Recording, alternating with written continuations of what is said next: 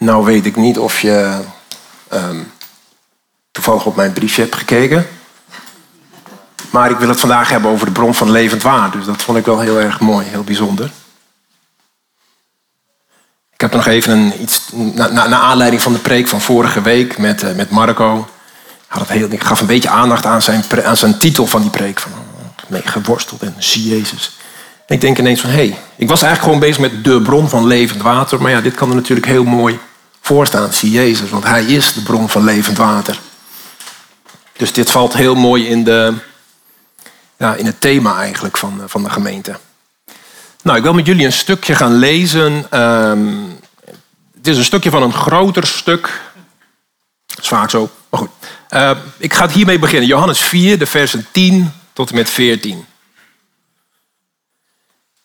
Johannes 4, versen 10 tot en met 14. Ik heb net weer een beetje een andere vertaling natuurlijk. Jezus antwoordde en zei tegen haar, en haar is de Samaritaanse vrouw. Als u de gave van God kende en wist wie hij is, die tegen u zegt, geef mij te drinken, u zou het hem hebben gevraagd en hij zou u levend water gegeven hebben. De vrouw zei tegen hem, heren, u hebt geen emmer en die put die is diep. Waar hebt u dan dat levende water vandaan? Bent u soms meer dan onze vader Jacob, die ons de put gegeven heeft en zelf eruit gedronken heeft, en evenals zijn kinderen en zijn kudde? Jezus antwoordde en zei tegen haar: Ieder die van dit water drinkt, die zal weer dorst krijgen. Maar wie drinkt van het water dat ik hem geven zal, die zal in eeuwigheid geen dorst meer krijgen. Maar het water dat ik hem zal geven, zal in hem een bron worden van water dat opwelt tot in eeuwig leven. is even tot zover de schriftlezing. Ik wil even met jullie naar, uh, naar Sigar gaan. Dat is namelijk het plaatsje waar we het over hebben. Top. Ik wil even met Sigar dus. Ja, inderdaad. Dankjewel Joël, je voelt dat heel goed aan. Het is twaalf uur middags ongeveer. En Jezus die zit daar bij die put om te rusten. Hij samen met zijn leerling is hij in de vroege ochtend is hij op pad gegaan van Judea naar Galilea. En uh, nu hebben ze even een, een rust inge, rustpauze ingelast. En zijn leerlingen zijn het dorp ingegaan. Dat ligt zo 500 meter zo'n beetje van, uh, van uh, die put weg. En die zijn daar wat eten gaan kopen.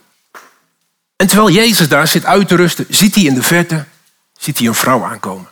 En die vrouw die wil wat water gaan putten zou je zeggen, nou leuk dat je dat even met ons deelt. Wat leuk dat we even zo'n spontane evenementje zien, zeg maar zo'n spontane scène zien. Maar het is allemaal, eigenlijk is het een beetje in scène gezet. Maar daar komen we later wel weer achter. De geleerde onder jullie, Joost bijvoorbeeld, die weet natuurlijk wel dat Sigar in Samaria ligt. En dat was ook wel te zien daar, hè? Ja. Boven ligt Galilea, daaronder ligt Judea en daartussenin, geklemd eigenlijk zou je kunnen zeggen, ligt Samaria. En dat Jezus daar is, dat is bijzonder, want uh, Joden en Samaritanen, dat waren geen vrienden van elkaar. Absoluut niet. Als een Jood ging reizen en hij moest van Judea naar Galilea, dan wilde hij het liefste eigenlijk een beetje, ja, als het kon, Samaria en de Samaritanen vermijden. Want we weten natuurlijk allemaal dat Samaritanen een onrein volk zijn, toch? 700 jaar voor Jezus was het koninkrijk Israël werd weggevoerd in ballingschap. Uh, God had ze door de profeten heel vaak gewaarschuwd van ik ga een straf op jullie uitvoeren als je niet uh, tot mij komt. Ja. Maar ze bleven um, zondigen. Dus op een gegeven moment kwam de Assyriërs die kwamen naar het noordelijke deel toe, naar Israël. Die hebben de mensen weggenomen. Maar de armste Joden die mogen dan altijd achterblijven. Dus er was een soort klein overblijfsel. Maar andere volken werden daar weer door de Syriërs heen gebracht.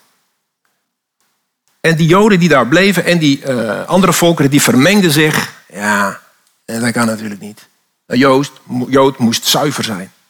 En dat waren die Samaritanen dus niet. Bovendien zeiden de Samaritanen dat je niet per se die tempel in Jeruzalem hoefde niet. Nee, de berg Gerizim, daar moest je aanbidden. Nou ja, dus logisch natuurlijk dat die Joden dachten van die Samaritanen, die zijn onrein. En die waren daar zo van overtuigd dat als je zelfs zeg maar, iets aanraakte, een, een, een kruik aanraakte van een Samaritaan, dan was je onrein. En toch vraagt Jezus aan deze vrouw, mag ik wat water van je drinken? Nou met die geschiedenis een beetje in je achterhoofd kun je begrijpen dat het best wel heel bijzonder is dat Jezus daar zo in Samaria is. Nou, dat was nog iets te vroeg, maar dat geeft niet.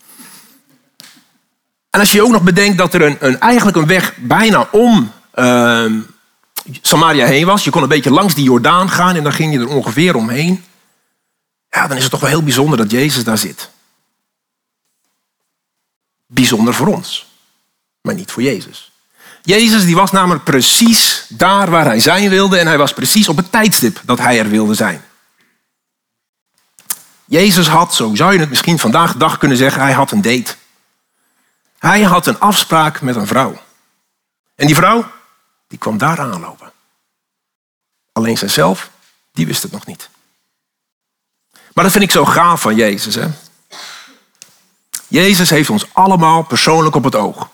Jezus ziet ons hier zitten en tegelijkertijd ziet hij ons allemaal persoonlijk. In de Bijbel lezen we heel vaak dat Jezus in de menigte loopt. En dan moet je je voorstellen, dat zijn geen tien mensen, dat zijn geen honderd mensen. Ik denk dat er, nou ja, weet ik wel, honderden, staat er nooit. Maar veel mensen lopen om hem heen. Er is veel gedoe, veel gepraat, veel geschreeuw. En dan zegt Jezus, hé, hey, Zacchaeus, ik wil bij jou zijn vandaag. Of hij loopt in de menigte, veel gedoe, veel geschreeuw, veel gepraat. En dan zegt hij van, hé, hey, hey, roep Bartimeus eens. Jezus heeft ons persoonlijk op het oog. Jezus houdt van ons allemaal. En daarom ook van die Samaritaanse vrouw. Dus Jezus die plant een reis. Ik vind dat heel, een beetje mind-boggling. Hoe zeg je dat? Uh, uh, oh, oké. Thank you. Thank you. Jezus is in Judea. Hij is niet in Samaria, hij is in Judea. En, en, en met zijn geestelijke oog ziet hij die vrouw in Samaria. En die wil hij gewoon ontmoeten. En hij plant dan precies zijn reis zodat dat ook gaat lukken. Wat een liefde heeft Jezus voor die vrouw, voor Bartimaeus, voor Zacchaeus en voor ons. Jezus gaat, zo zou je kunnen zeggen, hij gaat een tweede mijl. Vraag aan ons, hebben wij Jezus liefde zo in ons hart dat we voor iemand wel een tweede mijl willen gaan? Het verhaal zegt dat het twaalf uur was toen de vrouw water kwam putten. Nou, ik weet niet hoe dat met u zit. Volgens mij uh, mag hij nu al verder hoor, of niet? Ja. Weet ik niet helemaal zeker. Maar waterputten en ook dat tijdstip, dat zegt ons niet zo heel veel, denk ik. In het Midden-Oosten, maar ook bij ons in, eh, in Gambia, waar wij hebben gewoond, Senegal, waar we hebben gewoond, daar is het de gewoonte, en nu mag de volgende slide als het goed is. Kijk. Daar is het de gewoonte om s ochtends vroeg, als die zon nog maar net op is, of s'avonds, als die zon bijna onder is, om dan water te putten. die hitte is weg. Het is een beetje draaglijker. Maar dat niet alleen. Het is natuurlijk ook een sociale bezigheid. Al die dames die komen daar bij elkaar. Het is toch echt een taak voor de dames, sorry. En dan gaan de laatste nieuwtjes natuurlijk even over de tong. Het is, uh, het is ook gewoon gezellig. Maar het is ook wel zwaar. En daarom is het ook mooi, want als je dan een tijd afspreekt dat je er bent met elkaar, kun je elkaar helpen om dat water te vullen. Deze, ja, dank je. Dit ben ik dus. Ik mag het ook proberen. Hij is zwaar. Vooral omdat hij, eh, kijk, dat rode ding daar waar water aan het putten is, dat is zeg maar een, wiel, dat helpt. Bij mij ging dit natuurlijk weer af. Maar goed, uh, het is zwaar werk, kan ik je zeggen. En je moet het ook nog weer met een bepaalde techniek gooien, zodat hij ook goed water schept. Kortom. Maar goed, dus dat deze vrouw dus wel op de tijdstip van 12 uur komt, dat zegt iets over haar. En als Jezus met haar in gesprek raakt, dan wordt het ook wel duidelijk waarom zij daar komt om 12 uur. Ja. Je ziet, uh, dat is een vriend van mij, Domingo, die rechter, die lacht zich ook een, een bult. Maar Jezus die vraagt haar op een gegeven moment van, joh, uh, kun je je man gaan halen? Ja. En dan mag de volgende slide. En dan moet ze gaan zeggen, ja, ik heb geen man. Ik heb geen man, zei de vrouw. U hebt gelijk, uh, Jezus, als u zegt dat u geen man hebt. Oh, sorry. U hebt gelijk als u zegt dat u geen man hebt, zei Jezus. U hebt vijf mannen gehad en degene die u nu hebt, is uw man niet. Wat u zegt is waar. Deze levensstijl, dat was voor de Jood sowieso natuurlijk uh, helemaal niks. Maar het schijnt dat Samaritanen die vonden dit ook te veel. Die waren echt wel wat losser blijkt. Maar dit was echt te veel. En ze keken deze vrouw met de nek aan. Ze moesten niks van haar hebben eigenlijk. Ze werd door hen veroordeeld, door, die, door het dorp. En daarom ging ze natuurlijk om twaalf uur, zodat niemand haar zag, zodat ze niet genegeerd of uitgescholden zou worden. Dit was een veilig tijdstip. Wat een veroordeling dan hè, vanuit het dorp Sigar dat naar haar toe kwam. En dat zal echt niet makkelijk voor haar geweest zijn hoor. Al die dorpelingen die zo met het vingertje naar haar wijzen. Terwijl Romeinen 3, vers 23 toch heel duidelijk zegt dat wij allen gezondigd hebben. En de heerlijkheid van God missen. Het is niet alleen maar deze vrouw. Weet je, in plaats van te veroordelen wat ze deden, hadden misschien beter even naast haar kunnen gaan staan van, joh, goh, wat is er nou aan de hand? Hoe komt het dat je al zes mannen hebt gehad? Wat, wat is er gebeurd? Misschien hadden ze gewoon even een hand op de schouder mogen leggen voor een stukje troost. We hebben geen idee waarom deze vrouw zoveel mannen heeft gehad. Maar de vraag is ook, dat dorp was dat er echt wel in geïnteresseerd. Ik denk dat die eh, Samaritaanse vrouw, toen ze water ging putten, best wel even geschokt was. Ze liep naar die put toe in de verwachting natuurlijk alleen te zijn en ineens ziet ze daar iemand zitten. Hm, wie is dat? Is dat iemand van het dorp? Dat moet echt wel even een, een, een, een, schrik, geweest voor haar, zijn voor haar. Maar goed, het blijkt Jezus te zijn. En of het nou komt omdat Jezus begint te praten, of misschien door zijn kleding, op de een of andere manier weet zij dat hij een Jood is. Want als hij vraagt van, joh, geef mij eens wat te drinken, dan zegt zij, en hoe ze dat zegt, weet ik niet, dit is mijn intonatie. Hoe kan een Jood nou aan een Samaritaan vragen voor drinken? Ze wist het op de een of andere manier. Maar het interessante is, ehm, het begint als Jood. Later zegt ze profeet. op het moment dat Jezus haar vertelt over haar mannen, wordt hij ineens een profeet. En later in het verhaal wordt hij zelfs Messias genoemd. Jood, profeet, Messias. En dat komt omdat in dat gesprek dat die vrouw heeft met Jezus, dan, eh, dan heeft ze het op een gegeven moment over, ja, er komt de Messias en die zal ons alles vertellen. En dan is dit in de Bijbel de enige plek waar Jezus zegt, dat ben ik. Andere keren is het een beetje eh, suggestief, dan, dan zegt hij, ja, u, u, zegt dat ik het ben of weet ik. Hier zegt hij gewoon, dat ben ik, ik ben de Messias. Deze Samaritaanse vrouw, deze zondige Samaritaanse vrouw, aan haar wordt onthuld dat hij de Messias is. Ja, dat zal je maar meemaken zeg. Mag hij naar de volgende? Denk ik. Nou, nog even weer terug naar dat plaatje dan, inderdaad, naar dit plaatje. Jezus zit daar. Het is warm, die vrouw komt water putten. Jezus heeft ook dorst. En dan gaat hij dus een gesprek aan. Het onderwerp zou je zeggen is logisch. Water, daar gaat het over. Maar Jezus praat over levend water. En daarmee lijkt Jezus terug te verwijzen naar Jesaja. Want in Jesaja staat het volgende. De Heer zal je voortdurend leiden. Hij zal je verkwikken in dorre streken en hij zal jouw botten weer sterk en krachtig maken. Je zult zijn als een goed bevloeide tuin, als een bron waarvan het water nooit opdroogt. Maar waarschijnlijk heeft dat die Samaritaanse vrouw niet zo heel veel gezegd. Want zij erkennen eigenlijk alleen maar de eerste vijf boeken van de Joodse Bijbel. De Pentateuch. Dus dat zegt haar niet zo heel veel. Maar goed.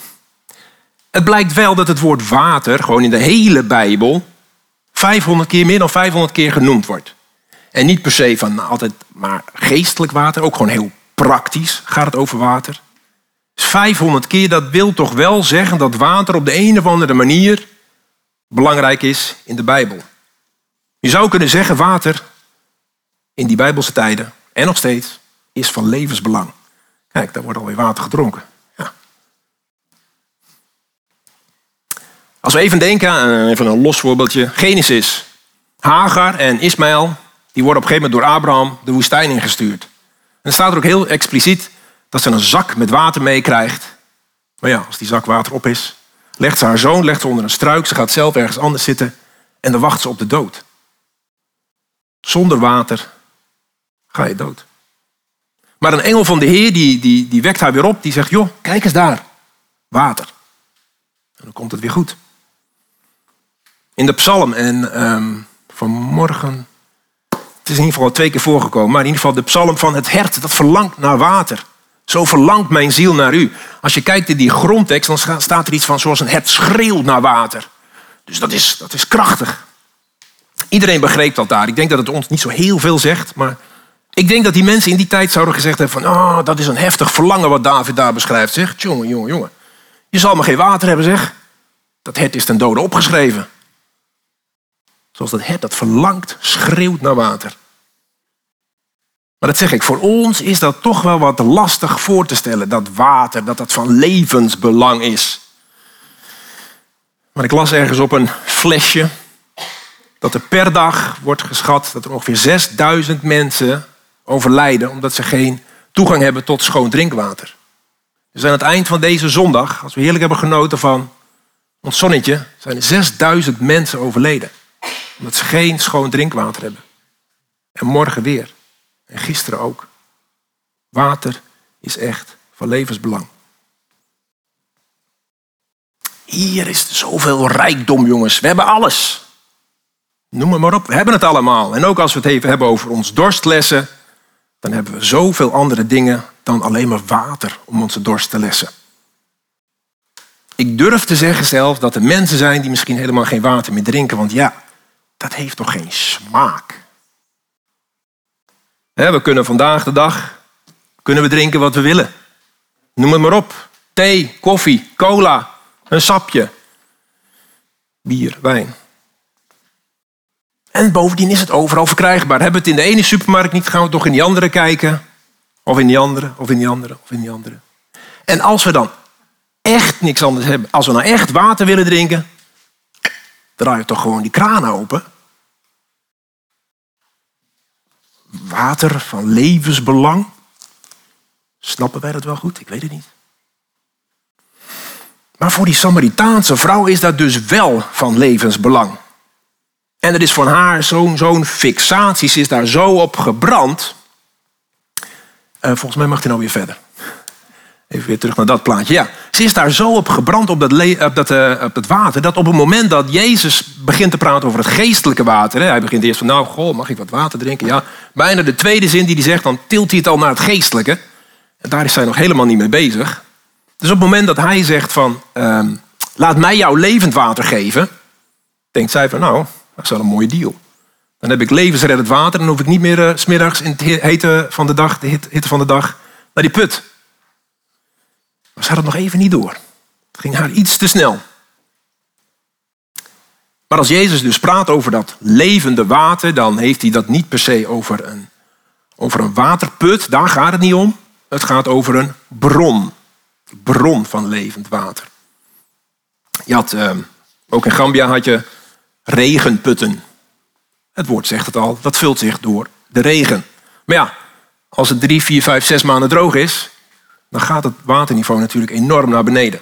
Dan heb je er niet zo heel veel meer aan. Maar deze put, de, de bron van Jacob, het is ook bijzonder hè, dat zij die hele geschiedenis eigenlijk weet van, waar die, van wie die put is. Maar die was gebouwd op de bron. En dat betekent dat er steeds water uitstroomt, steeds water uit opwelt. En dat is fijn, want dan is het lekker vers water. Dat, dat regenwater dat kon ook nog wel eens een beetje, beetje brak worden, een beetje dood proeven. Want dat hebben wij in Gambia, in, eh, wij hadden in onze tuin hadden wij ook een, een put. En daar hadden we ook wel eens last van dood water. Maar dat kwam dan omdat er een hagedis in viel, verdronk en begon te rotten. En dan stond je lekker te douchen en dan dacht je van, het stinkt hier. en dan was ik het niet. Maar goed, daarom zitten er vaak bij ons deksels op. Maar Jezus die praat dus over steeds opwellend vers water. In het verhaal wat, uh, wat, wat we daar kunnen lezen, daar staat op zich niet heel duidelijk dat, dat die Samaritaanse vrouw op een gegeven moment zegt van, ah, nu snap ik waar u het over hebt met dat levende water. Dat staat er niet. Maar toch blijkt dat ze later dat levende water wel degelijk heeft ontvangen. Want ineens, kunnen we lezen in dat verhaal, is het waterputten niet meer het belangrijkste wat ze kwam doen. En ineens kan het haar eigenlijk ook niet meer schelen wat de mensen van haar denken.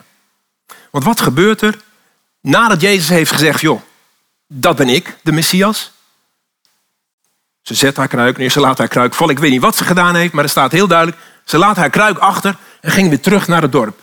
Terug naar die mensen die haar hebben genegeerd, die haar hebben uitgescholden. die hem met de nek aankeken, daar ging ze naar terug. Want ze moest vertellen wie ze had ontmoet. De Messias. Het kon haar ineens niet meer schelen. Je zou kunnen zeggen, ze had de bron van levend water gevonden. Vraag aan ons, zijn wij een bron van levend water? Doen wij de naam van, uh, doen wij de naam van onze gemeente eer aan? Dat is niet zo heel belangrijk. Doen wij de naam van onze Heer eer aan? De bron van levend water. Dat is ook God. Dat vind ik wel heel mooi. Wij denken heel gelijk, gelijk aan Jezus, maar het is ook God. Want in Jeremia staat bijvoorbeeld... Zij hebben de bron van het levende water, de Heere, verlaten. Dus daar is de bron van levend water, is God. Maar als we kijken naar het Nieuwe Testament, naar, eh, even verderop in Johannes 7, er staat, wie in mij gelooft, zoals de schrift zegt, stromen van levend water zullen uit zijn binnenste vloeien. Dus de bron van levend water. Dus ergens is het logisch, dat is God, dat Jezus. Daarvan mogen we drinken. Maar ja, als er een bron van levend water is, dan impliceert dat ook dat er een bron van, dank u, van doodwater is. Nou wordt dat verder niet genoemd in de Bijbel. Maar alles wat niet Jezus is, is eigenlijk een bron van doodwater. Alle mensen die een religie volgen, die putten uit een bron van dood water. Het gaat om die relatie met Jezus. Alle mensen die zich laten leiden door een verslaving, die putten uit een bron van dood water. Alle mensen die zich verliezen in allerlei wereldse verleidingen, die putten uit een bron van dood water. Alleen God, alleen Jezus is de bron van het levende water. Hij is ons levensbelang, zou je kunnen zeggen. En het vers zegt ook, het is ons ten eeuwig leven, dus het gaat nog even een stukje verder. Dus als jij denkt van ja, maar ik heb Jezus nog niet als bron van levend water, jongens. Kom dan straks even naar het technieklokaal. Laat voor je bidden. Laat voor je bidden dat je dat levende water in je kunt krijgen. Voor anderen, voor mij ook. Voor mensen die zeggen ik heb het levend water wel in me.